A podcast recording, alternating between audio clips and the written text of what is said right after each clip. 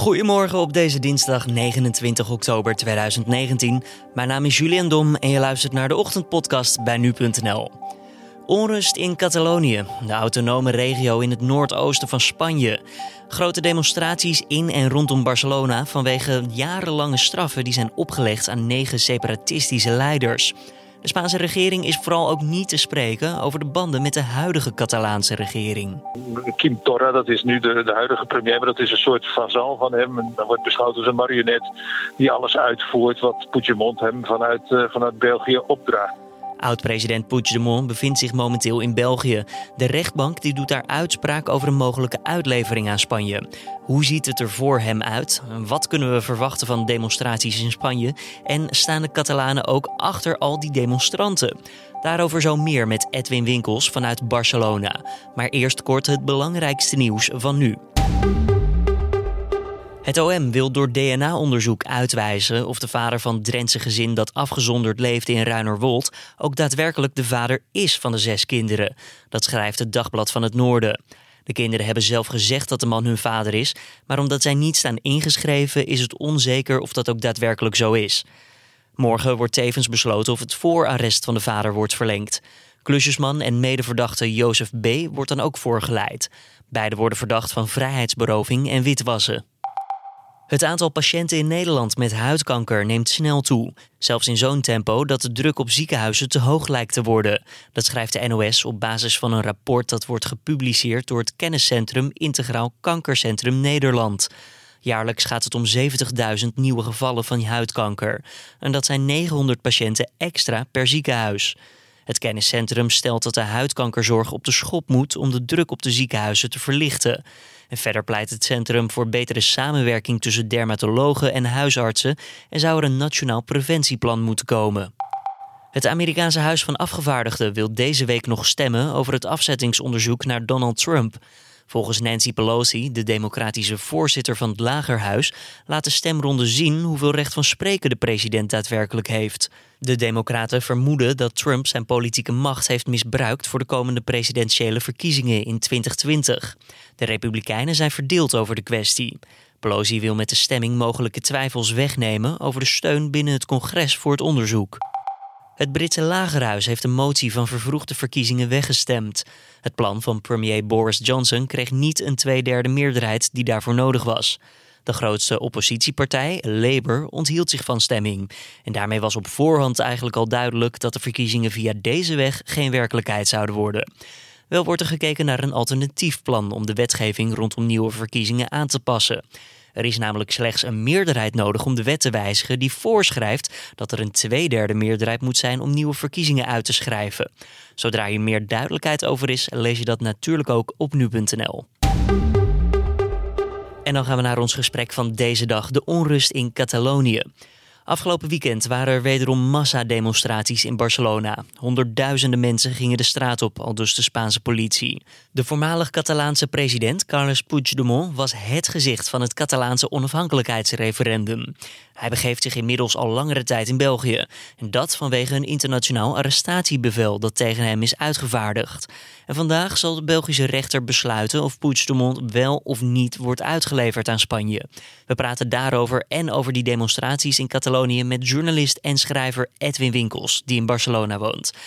Ja, hoe ziet het er eigenlijk uit voor Puigdemont op dit moment? Ja, dat weten eigenlijk alleen natuurlijk de, de mensen in België die over dat uitleveringsverzoek van Spanje gaan, uh, gaan beslissen. Maar als je de, deze dagen de, de Spaanse media leest, die hebben dan ook contactbronnen met, bij, bij, bij het uh, Spaanse Openbaar Ministerie die om die uitlevering heeft gevraagd, dan zijn de verwachtingen hier laag dat die werkelijk ook uitgeleverd zal worden door België. Omdat de Belgische justitie tot nu toe uh, al dit soort verzoeken heeft, uh, heeft geweigerd. Bijvoorbeeld omdat waar Puigdemont in Spanje voor vervolgd werd aanvankelijk of gezocht werd was rebellie. Nou, dat bestaat niet in het Belgische wetboek bijvoorbeeld, zoals ook niet in, in Duitsland bestaat. Duitsland wilde hem ook niet uitleveren uh, vorig jaar. Ja. En uh, een ander argument dat ze hier hebben is dat bijvoorbeeld België vorig jaar een, een oud lid van, van de ETA niet wilde uitleveren. Was terroristen, had, had drie doden op haar naam. Althans, daar werd ze van beschuldigd. En ook dat was niet genoeg om, voor België om, om iemand uit Spanje uit te leveren. Dus ze denken hier eigenlijk van dat, dat Puigdemont het toch weer zal, zal ontlopen. Het is de derde uitleveringsbevel inmiddels tegen Puigdemont. Dus maar niet drie keer scheepsrecht voor de Spaanse autoriteiten lijkt het dus. Nee, ook zij moeten afwachten natuurlijk. En, en uh, de aanklacht is nu anders. Uh, rebellie is die, die, die andere negen politici die wel inmiddels veroordeeld zijn. Uh, zijn veroordeeld wegens opruiing. Maar ook dat is iets wat, wat in het Belgische en ook het Nederlandse wetboek niet zo zwaar gestraft wordt als, als bijvoorbeeld in Spanje. En de, de enige hoop eigenlijk die, die justitie in Spanje heeft, is van oké, laten ze dan maar uitleveren om, om uh, nog een, ander deel van, van dat vonnis in de aanklachten. Dat is uh, misbruik van overheidsgeld, wegsluizen. Om twee jaar geleden dat illegale referendum over onafhankelijkheid in Catalonië te organiseren. Dus nou, als ze hem alleen daar al om uh, uitleveren, dan heeft Spanje in ieder geval, dan is die weg uit Waterloo waar hij zetelt en van waaruit hij eigenlijk nog steeds een beetje alles coördineert en beslist uh, wat er in Catalonië gebeurt. Hij is dan geen premier meer. Uh, maar dus er zit Kim Torra, dat is nu de, de huidige premier, maar dat is een soort vazal van hem. En dan wordt beschouwd als een marionet die alles uitvoert wat Puigdemont hem vanuit, uh, vanuit België opdraagt. Nou, daar zou graag Spanje een einde aan willen maken. Dus ook al is het maar voor, voor verduistering van overheidsgelden, waarvan de straf veel lager is, laat het maar hierheen komen, denken ze dan. En de Catalaanse overheid die staat nog altijd niet op één lijn met de autoriteiten in Madrid, hè? Nee, dat zal ook nooit gebeuren. Uh, hier in nog steeds is de verontwaardiging groot over de veroordeling van die mensen die nu enkele jaren, de, hè, tussen negen en 13 jaar de cel in moeten. Hoewel ze uiteindelijk minder lang in de gevangenis zullen zitten als ze een derde van de straf hebben uitgezeten. Dan, dan, dan zullen ze al wel weer vrijkomen. Uh, maar die verontwaardiging in het, uh, dat deel van het Catalaanse parlement en bij de Catalaanse regering is groot. Aan de andere kant Spanje, uh, premier, de demissionaire premier Pedro Sánchez, die bewaart ook nog altijd afstand. Ook met het oog op de verkiezingen die er over anderhalve week al aankomen. Op 10 november, de algemene Spaanse verkiezingen.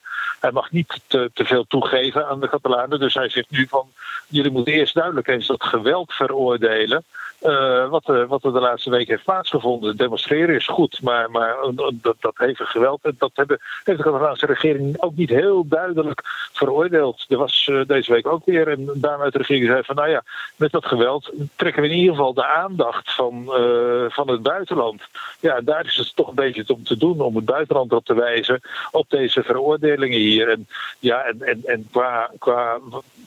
pretenties. De Catalaanse regering wil nog altijd uh, toch iets van, van, van zelfbeschikking of onafhankelijkheid doordrukken. En voor Spanje, voor de regering in Madrid, zal dat, uh, en voor de grondwet, uh, zal dat voor altijd onmogelijk zijn. Dus wat dat betreft zijn ze echt helemaal niks dichterbij elkaar gekomen. Als we even naar die massademonstraties gaan, hè, hoe beïnvloeden die het dagelijkse leven daarin en rondom Barcelona? Ja, uiteindelijk, kijk, je ziet, je ziet de beelden hè, in Barcelona, meestal die onlusten. Uh, wat de laatste dagen toch relatief weer rustiger is dan, dan, dan de eerste week. Maar die onlusten, dat gebeurt op een paar concrete plekken. Maar het is wel allemaal redelijk dicht bij het toeristische centrum. Uh, dat bepaalt het leven voor de winkeliers. Die, die, die, die hebben er last van. Er is veel minder omzet. De uh, vereniging hier van ondernemers uh, hebben laten weten dat, dat de omzetdaling inmiddels 15 tot 20 procent is, geloof ik, dat ze, dat ze zeiden. Uh, de verwachting, de vrees is dat, dat het aantal toeristen ook de komende maanden zal afnemen. reserveringen, omdat mensen toch niet graag in de stad terechtkomen waar voortdurend uh, demonstraties zijn. Verder, het, het, leven van de mensen, je gaat inmiddels gewoon door. Je kunt niet, alles wordt voortdurend weer onderbroken. Je kunt naar je werk toe, mensen zijn weer aan het werk. Maar bijvoorbeeld de scholen, universiteiten, de, de, de studenten hebben al toestemming gekregen. Ze mogen gaan staken en protesteren wat ze willen. Dat de, de, de universiteit zal er rekening mee houden. Ze doen dit voor een goed doel, zeg maar. En, en uh, ja, als ze dan veel uren missen, dan zullen ze daar niet op, uh, op aangerekend worden. Dus wat dat betreft grijpt het wel heel, heel diep in, in, uh, in het leven. Maar spreken al die demonstranten, want het gaat echt om honderdduizenden mensen die de straat op zijn gegaan, hè? ook voor alle Catalanen? Nee, kijk, er wonen hier 7 miljoen mensen. Uh, inderdaad, bij één demonstratie met de meeste mensen waren er meer dan 500.000 mensen. Dat is heel veel natuurlijk voor een demonstratie. Afgelopen weekend ook weer uh, wat meer dan 300.000. Uh, maar je hebt ook andere deel. Zondag ging, ging het andere deel, zeg maar de, de, het zwijgende deel dat, dat normaal niet zo demonstreert, die, die, die tegen de onafhankelijkheid zijn. Dat waren dan iets van 90.000 mensen. Ja, je kan het een, een, duel in cijfers zeggen, maar zo is het in, in, in, de, in het stemgedrag in de politiek ook. Het is uh, nog altijd, als je nu ziet, uh, de laatste enquêtes, peilingen, dat er één, voor de komende verkiezingen, dat er één ja, de meest radicale onafhankelijkheidspartij, CUP, die gaan zo voor het eerst nu ook zetels in, in het Spaanse parlement eh, bemachtigen, tussen drie en de vier. Dat zou kunnen. Maar verder blijft het ongeveer, als je de totale aantallen ziet tussen van uh, wie er voorstemmen voor de onafhankelijkheidspartijen en wie er stemmen op de zeg maar, meer traditionele Spaanse partijen die voor de eenheid zijn, dan blijft het toch steeds rond die 50-50 rond die, uh, hangen. Dus inderdaad, het is, uh, dat, was, dat was altijd zo geweest. Het is eigenlijk de ene helft tegen de, tegen de andere. Alleen laat die, die, die, die ene pro-onafhankelijkheidshelft zich uh, door alle gebeurtenissen veel meer, uh, veel meer horen en zien. Ja, kan dit wel opgelost worden dan eigenlijk, denk jij? Want het is eigenlijk een soort brexit-verhaal, maar dan in Spanje, wat we, waar we hier mee te maken hebben. 50-50, het hangt er allemaal een beetje om. En het is wel een referendum geweest. Ja, nou, het, het, het, enige waar je, waar je op moet rekenen dat er toch ooit een dialoog komt. Het is allemaal fout gegaan, omdat er nul dialoog kwam. Zeker niet uit Madrid. Uh, toen de conservatieve partij, de Volkspartij, daar aan de macht was. Uh, de, tot, tot, vorig jaar. Uh, en die willen helemaal niks weten. Nooit, hebben ze nooit willen weten van een of andere vorm van dialoog met de Catalanen over hun plaats in, in, in, de, Spaanse, in de Spaanse samenleving. Uh, je mag verwachten uit het verleden, zeggen de socialisten, die, die, nu demissionair aan, uh, aan het bewind zijn, die ze hebben zich altijd wat toe, toegankelijker en toeschikkelijker getoond tegenover de Catalanen. Uh, alles hangt af van die verkiezingen, maar ook daar blijkt uit dat Spanje heel erg verdeeld is, dat, dat, dat het heel moeilijk zal zijn een regering te vormen, ook voor de, huidige premier Sanchez, hoewel die een zetels wel de meeste zou krijgen.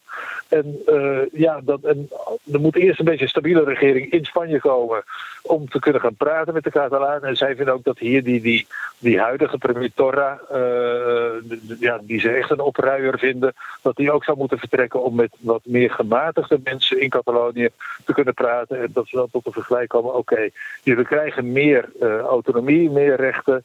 Uh, Catalonië wil zoals het Baskeland een eigen belastingstelsel bijvoorbeeld, dat hebben ze hier niet.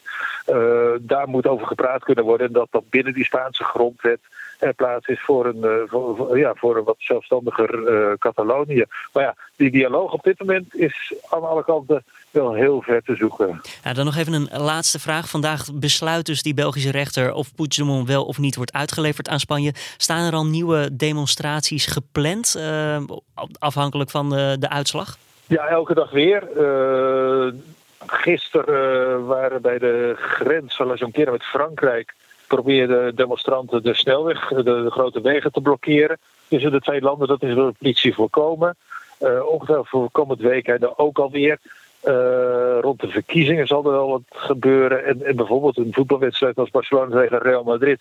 Is, uh, die zou afgelopen zaterdag gespeeld worden, is door de onrust verplaatst naar 18 december.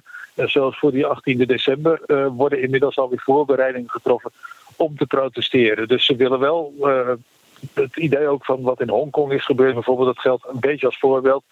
Zo lang doorgaan, doorgaan, tot, uh, tot je je zin krijgt of een deel uh, van je zin krijgt. Het is nu niet dagelijks meer en, en het zijn ook kleinere groepen, maar je zal nog wel de komende tijd af en toe een hele grote demonstratie uh, zien. Het is nog niet helemaal rustig geworden. En daarover natuurlijk ook meer op nu.nl. Dank voor de toelichting, Spanje-expert Edwin Winkels vanuit Barcelona. Dan verder op de nieuwsagenda voor deze dinsdag. De rechtbank in Haarlem doet uitspraak over de werkzaamheden rondom circuit Zandvoort. Verschillende milieuorganisaties hebben de zaak aangespannen omdat het werk het leefgebied van de beschermde rugstreeppadden en zandhagedissen verstoort. Andere bezwaren, zoals de stikstofuitstoot, komen in een latere procedure aan de orde. En Breda viert 75 jaar bevrijding. Koning Willem-Alexander is samen met de Poolse president Andrzej Duda daarbij aanwezig. De viering wordt afgesloten met een vrijheidstocht met oudstrijders en historische voertuigen die een route rond het stadshart van Breda rijden. En dan nog even het weer voor vandaag. Ja, de dag die start met mistbanken. Daarna breekt de zon wel langzaam door. Op een enkele bui na rondom het Waddengebied blijft het ook droog in Nederland. En de maximumtemperaturen die liggen een stuk lager dan vorige week. Maximaal wordt het zo'n 11 graden.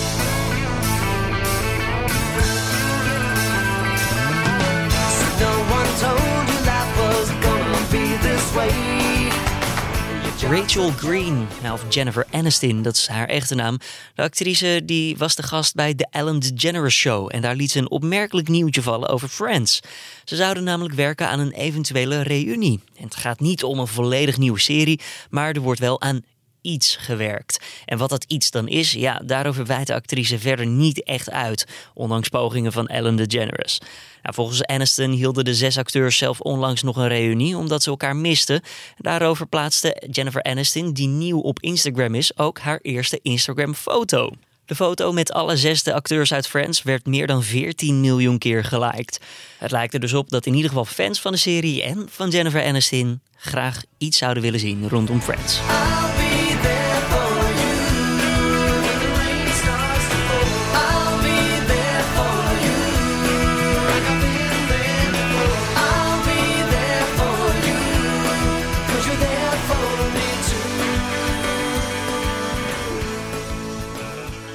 En dit was dan weer de ochtendpodcast van nu.nl. Elke doordeweekse ochtend kan je ons vinden op de voorpagina van de website of van de app om 6 uur ochtends.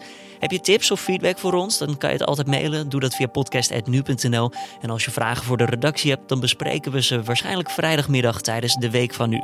Een podcast waarin je een kijkje achter de schermen krijgt bij nu.nl, gepresenteerd door onze hoofdredacteur Gert-Jaap Hoekman. Mijn naam is Julien Dom. Voor nu in ieder geval een hele fijne en goede dinsdag gewenst. En tot morgen weer.